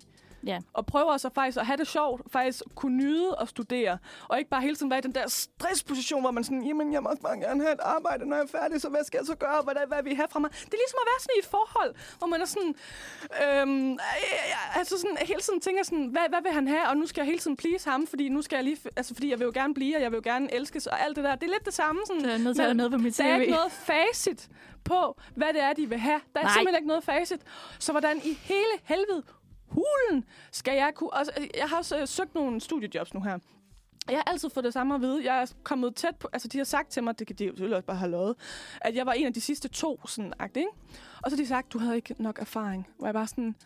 Hvis jeg ikke har nok erfaring til et studiejob, hvordan i hele helvede hulen skal jeg så få et studiejob, som kan give mig nok erfaring til at få et ægte job, så jeg kan tjene nogle penge og betale mit SU-lån? Mathilde Kjær Hellisø, mine damer og herrer. Så lad os bare høre noget musik. Jeg, jeg synes virkelig, det er rigtigt. Lad os tage noget musik. Synes du, at det, jeg sagde, var rigtigt, eller at det, vi skulle høre noget musik, var rigtigt? Begge dele. Ja, det er, godt det er da dig. obvious. Ja. Du lytter til Manfred på Uniradioen. Og Og jeg har lige øh, haft underlægning under hele den her sang, så jeg vil gerne sige undskyld til Mercedes med sangen Obvious for at få sådan en ekstra lille sådan melody på, på sang. det var det, man kalder en anden stemme. Ja. Øh, ja. Wow. Men oh. ved du hvad, vi, øh, vi hørte den på et andet tidspunkt også. Det er en super fed sang. Vi slutter af med den, så Ja. kan vi lige få... Klokken den er øh, næsten 19 minutter over 10. Og øh, din værter i dag er Mathilde og Ida. Nu, Mathilde, skal vi til noget, jeg elsker. Og hvad er det, Ida? Det er fordi, at verden er jo fuld af dilemmaer. Mm. Du ved, vi kender det selv. Vi står i den gode gamle saks, som den hedder, ikke? Og, øh, og vi er bare langt fra de eneste. Altså det der med, åh, oh, noget man bare lige skal have løst, og man bare ikke ved, hvad man skal gøre ved det. Øhm, Og hvad gør man så? Jamen, så spørger man os. Ja! øh, og i det her tilfælde, så er der ikke lige nogen, der har spurgt os direkte. Men Men, men det var jo det, de mente, ja, det var jo det, de mente. da de sendte det Øhm, ind til de forskellige steder. til cyberspace, ikke? Ja. Øh, alle mulige rådvillige danskere, som, øh, som bare har en masse uforløste dilemmaer, og øh, vi giver dem simpelthen en håndsrækning i det her program, øh, fordi vi vil være så søde, og de næsten har spurgt os, ikke? Jo, Ja. næsten. Så i bedste øh, Sara Monopolet, eller masser af holdet, hvis man er til den slags, Nej, for det skal man betale for nu. Nå, nå, nå, nå, nå. Så vil vi altså forsøge at finde på sådan nogle, nogle løsninger og svar på, på, de, øh, på de dilemmaer, der ligesom florerer derude. Ikke? Det er korrekt, Ida. Øhm, monopolet i dag. Består af... Vores skønne medvært, vi har repræsenteret, præsenteret lidt tidligere, nemlig Solvej og Josefine. Yay! Velkommen Og til. det er altså Rasmus Klump og øhm, guruen, vi har med os det her. er nemlig Åh, lige den det. kommer til at sidde fast. Ja, ja, det du bliver selv- kaldt klumpen fra nu af. Ja. Det er dig Ja. selv, der har hørt det. Okay, venner. Øhm, er, I, øh, er I klar til at høre et dilemma? Vi kunne Ja. ikke være mere klar. Fedt. Det er simpelthen nogen, der har skrevet til os. Øh, og det er et øh, post-corona-dilemma. Hov, skal vi lige, øh, skal vi lige øh, inden du læser den op? Åh oh, ja.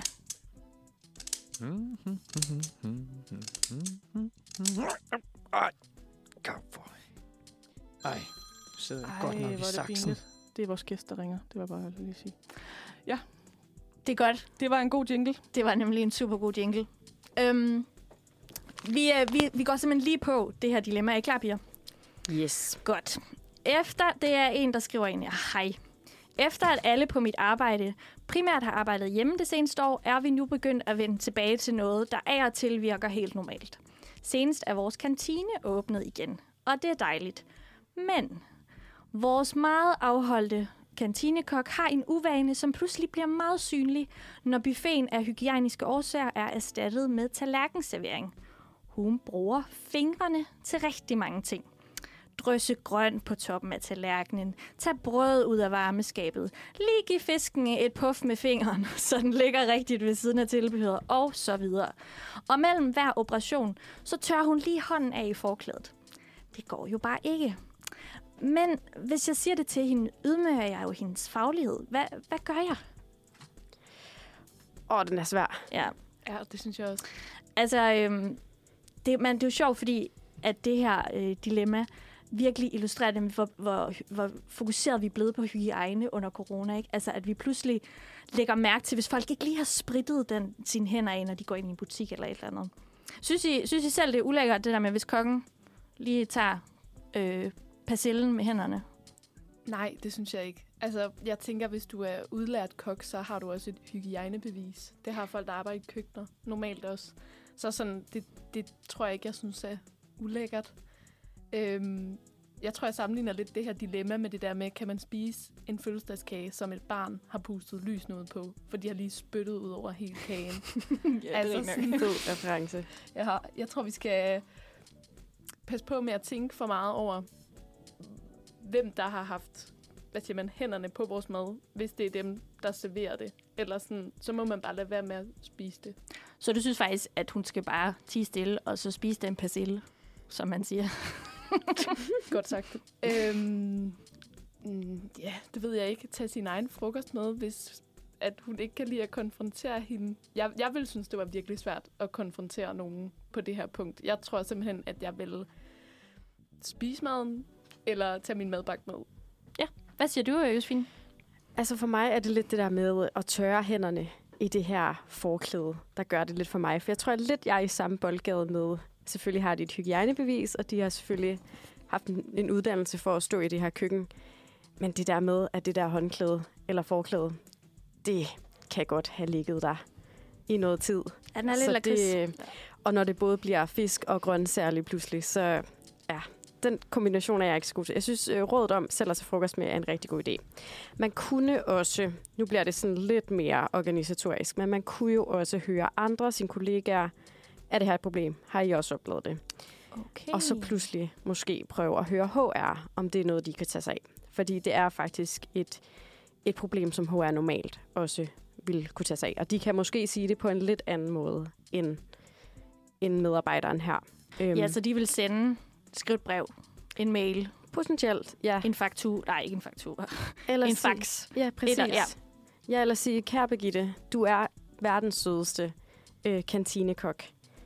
Men det der med at tørre hænderne af, det er ikke så anset. Eller på, sådan, på en lidt sødere måde. Ja, nej, men jeg forstår, hvad du mener. Lige kom frem Ja. der. Så det er Men, nogle øh, andre, der ligesom tager ansvaret, Ja, så det ikke bliver sådan en personlig ting. ja. Ja. Også, jeg føler også, det er sådan lidt kutume, man ved, at det er et HR-underliggende, at, det, at man ved, okay, hvis HR kom, jeg tror, man vil måske også anse det lidt som kantinekok og få det at vide af en, af en medarbejder, som mere en i rettesættelse end, end sådan egentlig.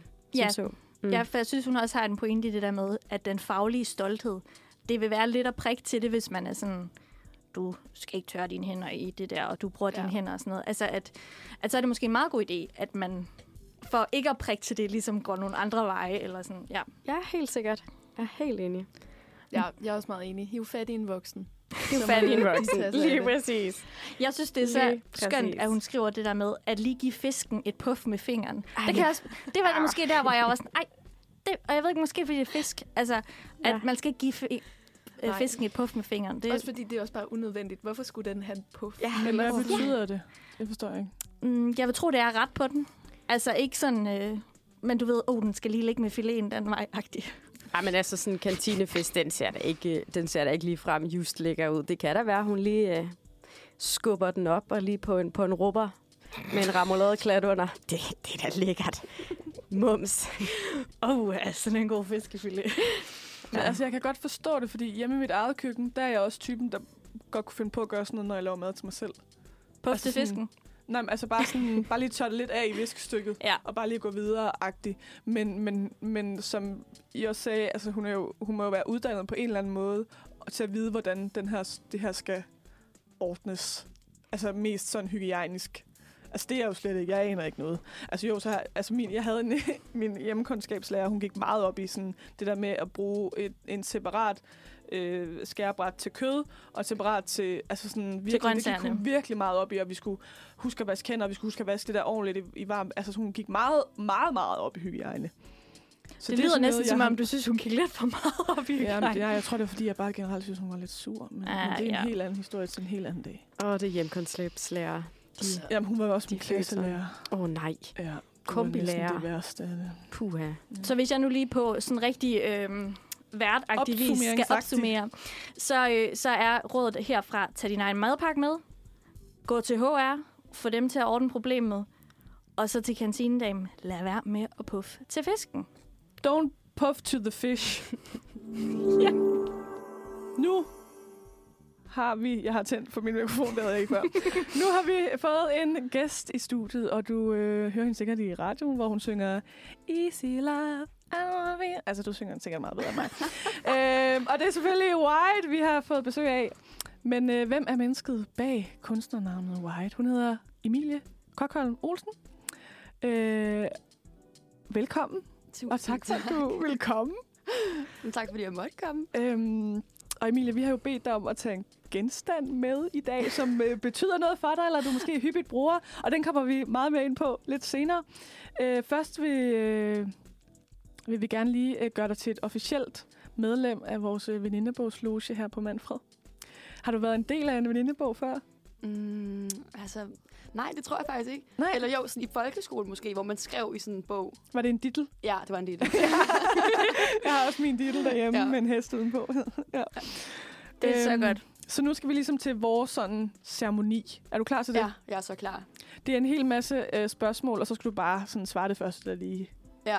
Og, det kan, og hvis det bliver for personligt, så kan det være, at vi skal have et uh, safe word. Det kan være, at det skal være ananas. Så kan du bare sige ananas, hvis Jeg er du ikke allergisk svare på for det. ananas, så Ja, det præcis. Det er godt. helt Ja. galt, ja. Helt genialt. Perfekt.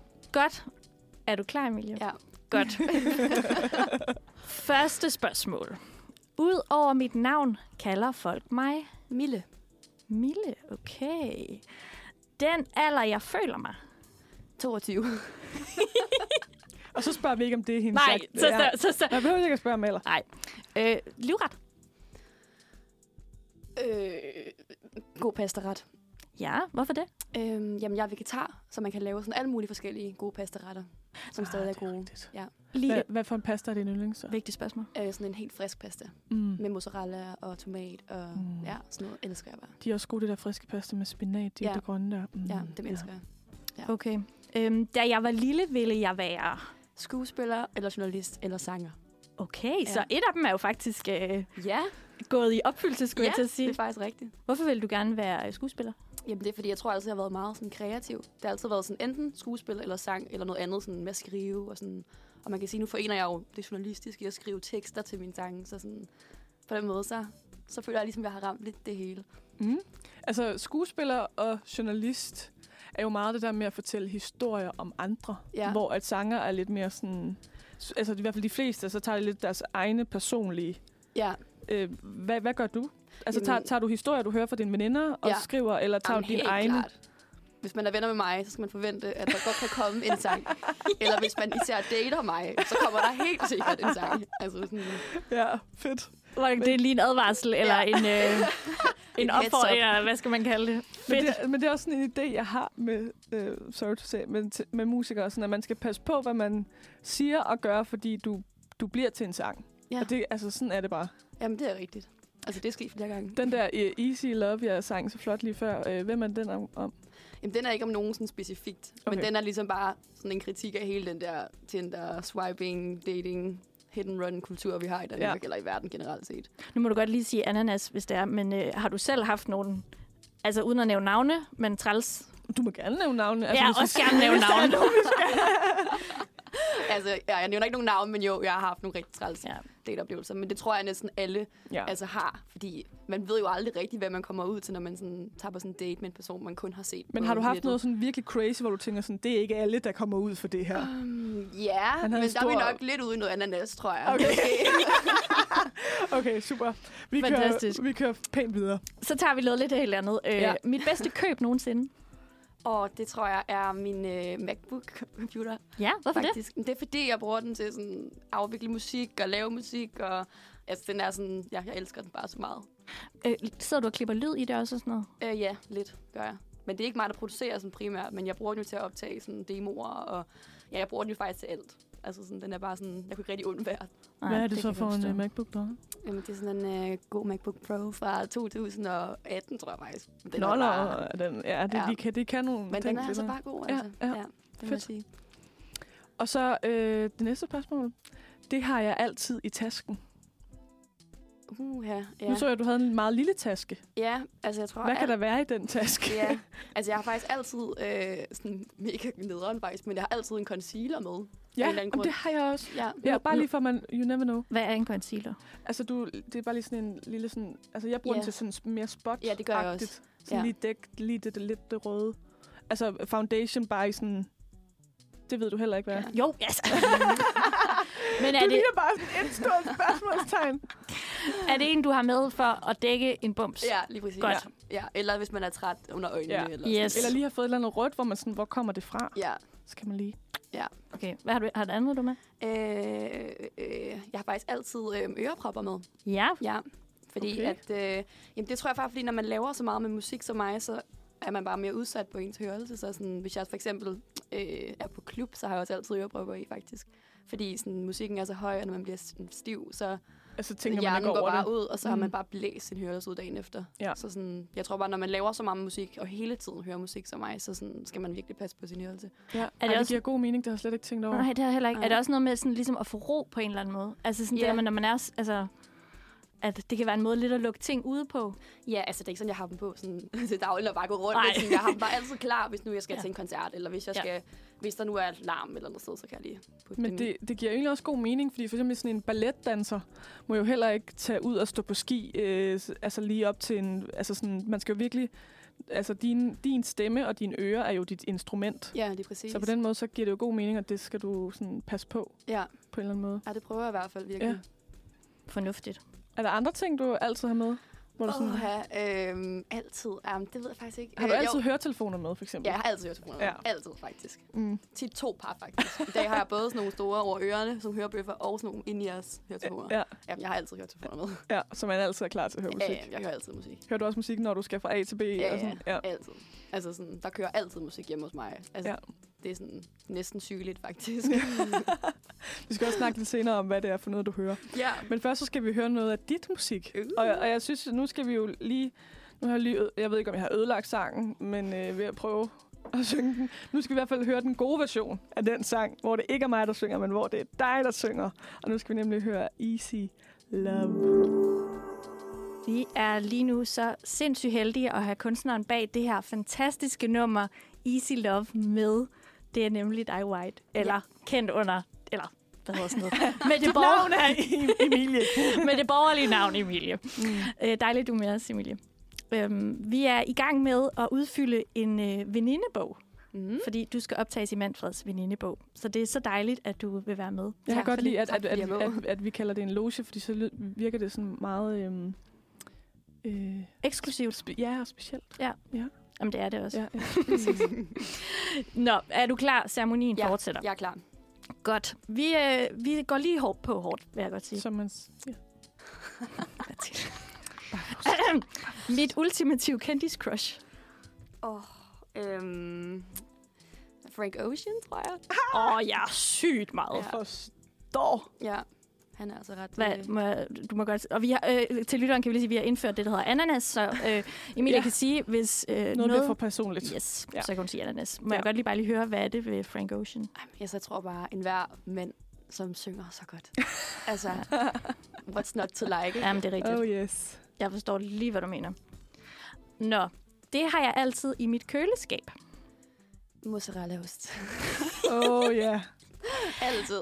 Det er så sjovt, fordi mozzarellaost, det smager jo af absolut ingenting. Men jeg tror også, det er konsistens, og det Ja. smager alligevel af noget. Altså, man, man, man sætter det jo sammen med noget, ikke? Ja, lige præcis. Sådan, sådan en uh, mozzarella tomat, og så lige lidt peber, og så lidt, lidt uh, basilikum, og så lidt... Ja. Nu sagde du lige før, at du er vegetar. Ja. Øhm, så du spiser meget mozzarella. Ja. Bare sådan... Ergo spi- er jeg ikke matematiker. Øhm, hvad hedder det? Men, øh, men hvad er så dine yndlingsting at kombinere mozzarella med?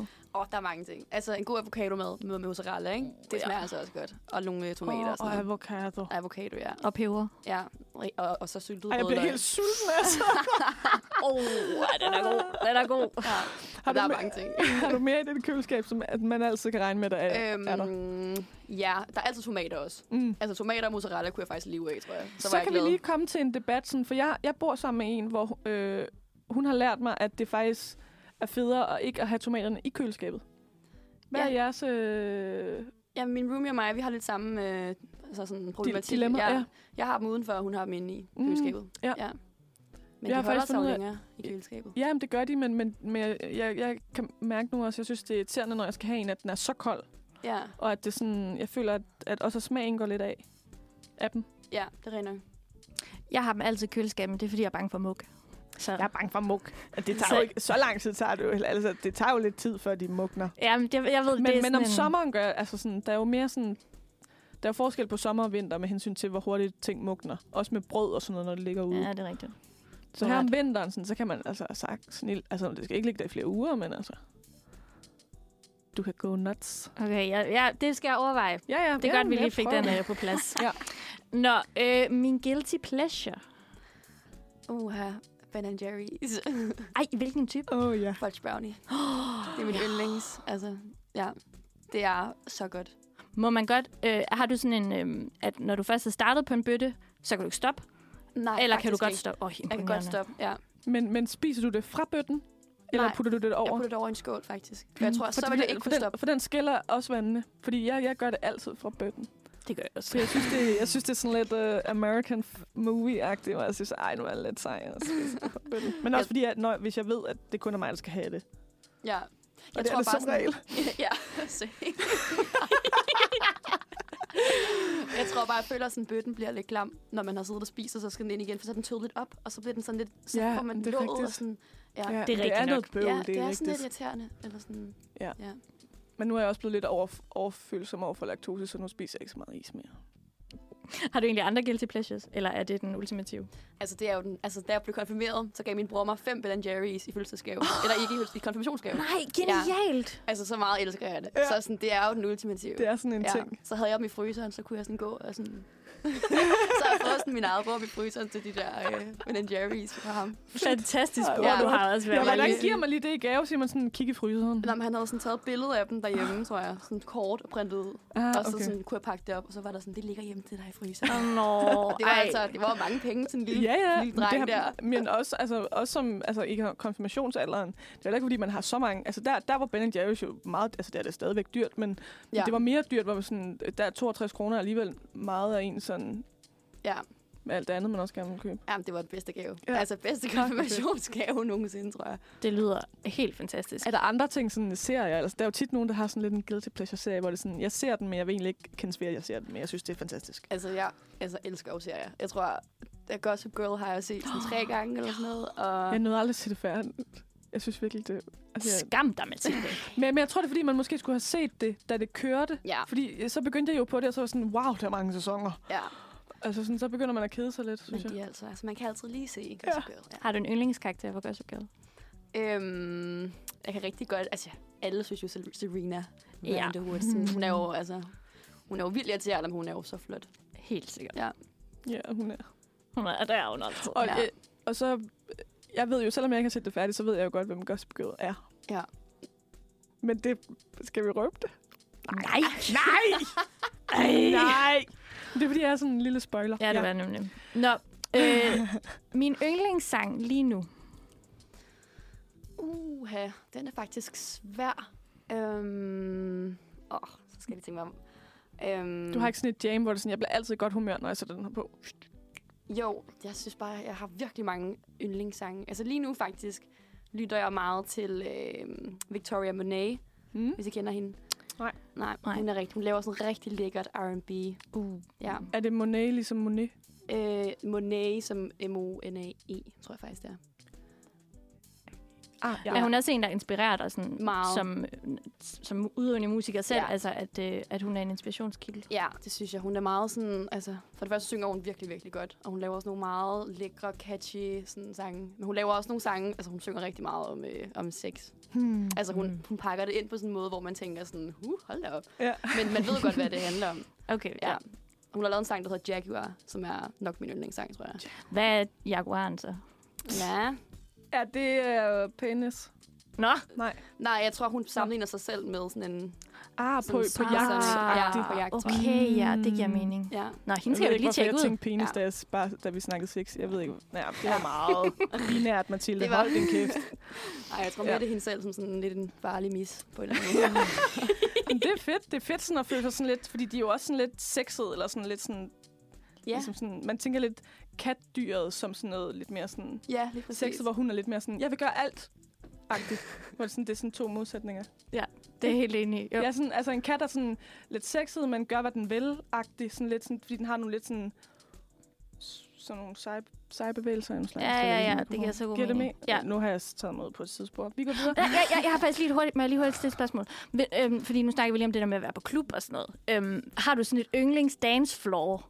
Altså, hvad, hvis du er sådan der får dig virkelig... ud på gulvet hver gang, hvor det er sådan, så? ja, og du er på vej hjem, men så bliver den her sat på, og så tænker du bare, vi skal ikke hjem, vi skal på floor. Altså sådan, det kan ikke sidde, man kan virkelig godt lide Marvelous Moselle med manti, hvad hedder den, masse kommerciel, hvad hedder den, den hedder antikommerciel masseappel. Det er altså svært at sige. Åh, oh, ja, det er rigtigt. Det er Den også synes jeg altså-. Jeg, jeg vil prøve at skrive det ned, men ja. Ja. jeg, jeg synes, det var svært. Hvad siger du? Antikommerciel masseappel. Altså, den er Anti- altså bare fed. Det må jeg altså sige. Kan, kan du synge lidt af det? Bare sådan. Det er sådan... Du, du, du, du. Virkelig Marvelous, virkelig Moselle. Det- Altså, han er altså god. Ja. Nå, fedt. Har I ikke kendt Det- længere? Nej, overhovedet ikke. Jeg føler, det siger mig noget, men Men jeg... elsker at få udvidet min horisont, for jeg, nu er jeg også nået til sådan et øh, tidspunkt i mit liv, hvor jeg hele tiden hører det samme, hvor der bare er det samme på min playliste.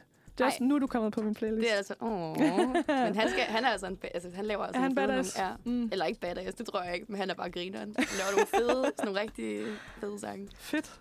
Nå, Fantastisk. det er dejligt lige at få udvidet sin horisont. Når, når du så ikke er på floor, men øh, slapper ægte af. Hvad, hvad, du slapper ægte af, når...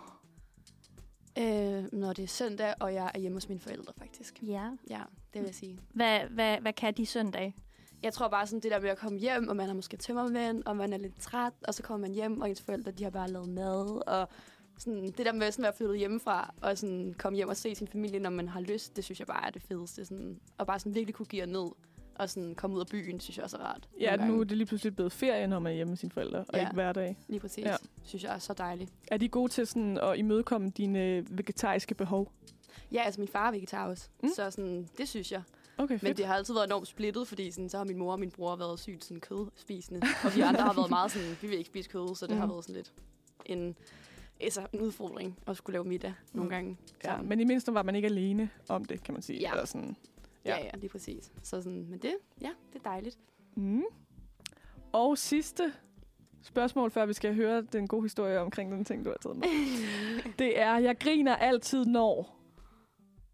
Øh, jeg griner faktisk bare generelt meget, tror jeg. Jeg griner altid, når jeg trækker vejret. Ja, og men virkelig. Jeg tror sådan, altså mine venner vil nok sige, sådan, jeg er meget lattermild. Altså jeg griner, altså jeg har et godt humør. Det er en så fed egenskab at have. Ja. Altså, det- hvis alle mennesker i verden var det, så... Var lidt mere lattermild. Ja. Ja. Hvis Putin var lidt mere lattermild, Ja. ja. så kunne det være, at de ikke gik ind i Ukraine lige om lidt og startede Ej, 3. verdenskrig. Det er ikke engang noget at grine Det har vi slet ikke snakket om i dag. Det havde jeg faktisk tænkt, vi skulle snakke lidt om. Ja, det bliver næste uge. Ja. Puh, ja. Nå, vi skal være glade igen. Øh, nu skal vi til den ting, du har taget med, Nå ja. som har en speciel betydning for dig. Vil du beskrive det, du har taget med? Hvad er det, du sidder med der? Jamen, øh, skal jeg bare sådan sige det? Ja, sådan, beskriv, hvad du ser. Jamen, jeg ser øh, en sovemaske, mm-hmm. hvor Mhm. der står, If you give me five more minutes, I will cook you breakfast. Hjerte. Åh. altså, sover du med den? ja, hver nat. Som i hver nat. Som i, jeg kan ikke sove uden den overhovedet. Er du meget sådan øh, lysfølsom? Ja, det tror jeg faktisk. Og jeg har også mørklægningsgardiner. Altså sådan, og den. Nej. Jo, det er meget sådan... Ja, det er lidt et problem, fordi nogle gange, så har jeg for eksempel skulle i sommerhus. Og så hvis jeg har glemt min sovemaske, så er jeg jo virkelig på skideren, så kan jeg jo ikke sove. Men så er det bare sådan en ting, du også hele tiden skal have i din taske. Jamen, det har jeg faktisk også Ja. ja. næsten altid. Hvis Ja. jeg skal i byen eller sådan noget, hvad man ikke lige ved. Sådan, Hvor hvad man ikke lige ved, hvor man Hvor ender. man ender, så har jeg den altid med også. Ja. altså, sådan, altså, Passer det det der med, at du vil lave morgenmad? Nej, overhovedet ikke. Så du går faktisk med en løgn på din maske. Hvad? Det er sjældent, der er nogen, der kommer og kræver sådan... Men hvornår det begyndte, har du altid øh, sovet med... Øhm, nej, men det begyndte faktisk, jeg tror, jeg sådan var 14 eller sådan noget, og så havde jeg problemer med at sove en periode. Jeg tror bare, jeg var i puberteten, og Mm. mm. alting kørte sikkert bare rundt i ens hoved. Og så var min mor sådan, "Nå, prøv at sove med den her. Det, det skulle være meget godt. Og så har jeg bare vendet mig til det, så nu er det også bare sådan, at hvis jeg tager den på, altså, så kan jeg ikke ligge og have en samtale, så skal jeg sove. Så sover jeg bare med det samme. Altså, det er ligesom Mm. sådan en strus, der tager hovedet i jorden. Ja, hvor bare det sådan, så er vi bum, væk. væk. Ja, Ja. lige præcis. Så sådan, det fungerer altså rigtig godt. Jeg sover altså fænomenalt. Nå, fedt. Det har det man bedste sovehjerte. det. Ja, det tror jeg, det Men er. jeg tror, jeg, jeg prøvede det på et tidspunkt på flyet til, til USA på et tidspunkt. Jeg var bare sådan, jeg, jeg tror for mig, at det er problematisk for mig, og han, altså som jeg kan heller ikke sove og høre musik Nej. samtidig, eller sådan, jeg, jeg skal ikke have nogen forstyrrelser, heller ikke noget, der presser på mit hoved, selvom at de selvfølgelig ikke presser så meget. Men sådan, jeg kunne virkelig mærke, at jeg synes, det var mærkeligt at have noget på.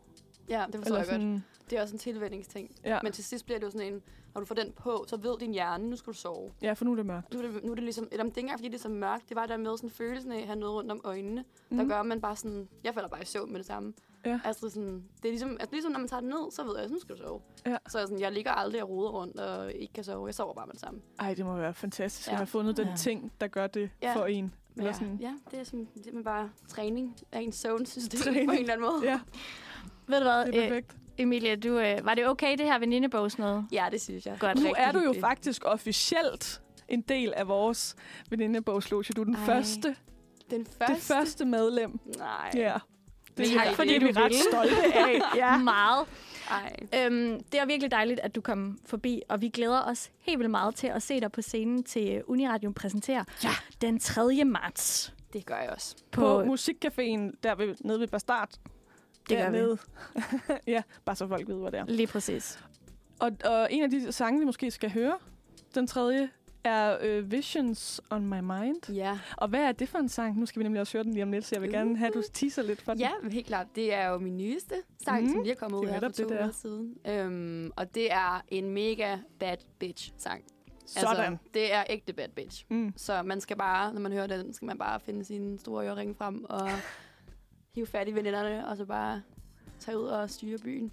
Er det, er det en floor-sang? Ja, det vil jeg sige, Mm. faktisk. Ej, det skal vi så meget. Ja, Ja. for søren da. Nu, er, nu bliver vi alle ægte bad bitches herinde i studiet, Ja. så håber vi også, I bliver derhjemme. Og vi åbner for floor. Det gør vi. Og det er lige nu. tak, Emilie. nu kommer Visions on My Mind. Visions on my mind fra White, som vi lige havde besøg af. Fuldstændig. Ja, hun Virkelig. er blevet en del af vores loge nu. Ja, og det virkelig var sådan et bad bitch-nummer, det der. Ja, det det, var det synes fedt. jeg virkelig. Nå, Mathilde. Det er øhm, ved at lakke mod en. ja, dagen er slut, og hold nu op. Nej, dagen er lige begyndt. Nej, ja.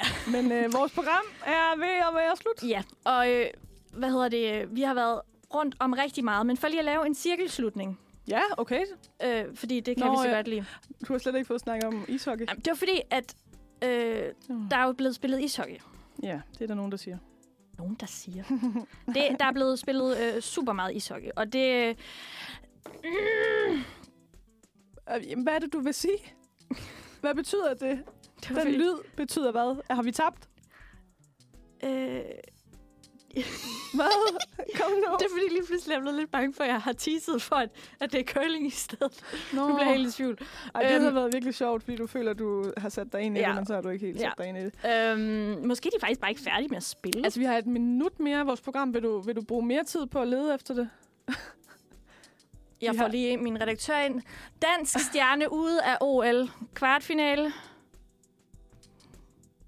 Det er Niklas Jensen, som han er simpelthen udgået i en playoff-kamp. Var det ikke ishockey? Ja, han er udgået til kvartfinalen. Øhm, ved I hvad? Det, det forbliver altså lidt et mysterie. Men i hvert fald, så øh, kom jeg udenom og slet ikke at snakke ishockey nærmest i det her program, selvom at Ida startede ud med at sige, at hun ville opdatere undervejs. Og så kan jeg ikke engang opdatere til sidst. Men det er fordi, så står der curling lige pludselig. Ja, og så er jeg sådan, gud, altså, spiller curling jamen, det er jo også? nemt. Nej, Det er ikke nemt. Nå, Men i hvert fald, vi har haft et rigtig dejligt program i dag, hvor at vi også har snakket om noget lidt alvorligt til at Det starte med. sige, og ja. så øh, fik vi ligesom ja, rystet den af os, som Ja. man jo nogle gange behøver, bliver der er brug for Lige at gøre. præcis. Og så fik vi jo introduceret øh, den sidste halvdel af vores redaktion, og så havde vi jo Emilie inden at blive en del af vores venindeborgsloge, som jeg Ja. godt kan lide at kalde den. Det holder jeg Husk, stadigvæk på. at øh, bare lige endnu en gang, husk, at den 3. marts er Uniradion der præsenterer. lige præcis, hvor hun spiller. Kom for Suse. For susen. Det bliver da- sindssygt godt. Ja, præcis. Så nu er der bare at sige mega god onsdag, mega god øh, halvvejs ugen-agtig. Ja. I morgen er det lille fredag. Det kan kun blive godt. Det, kan, kun- det går kun... Det er det. Det går kun op af... Nej, ned ad bakke. Op ad bakke. Det, det bliver kun godt herfra. Lige præcis. Ja. Og Mathilde, tak fordi, at øh, du vil være min nedvært i dag. Jamen, lige måde, jeg er da glad for, at vi bare lige kan stå her. Oh, det var så Ja. god onsdag Vi til ses. alle jer dejlige lyttere.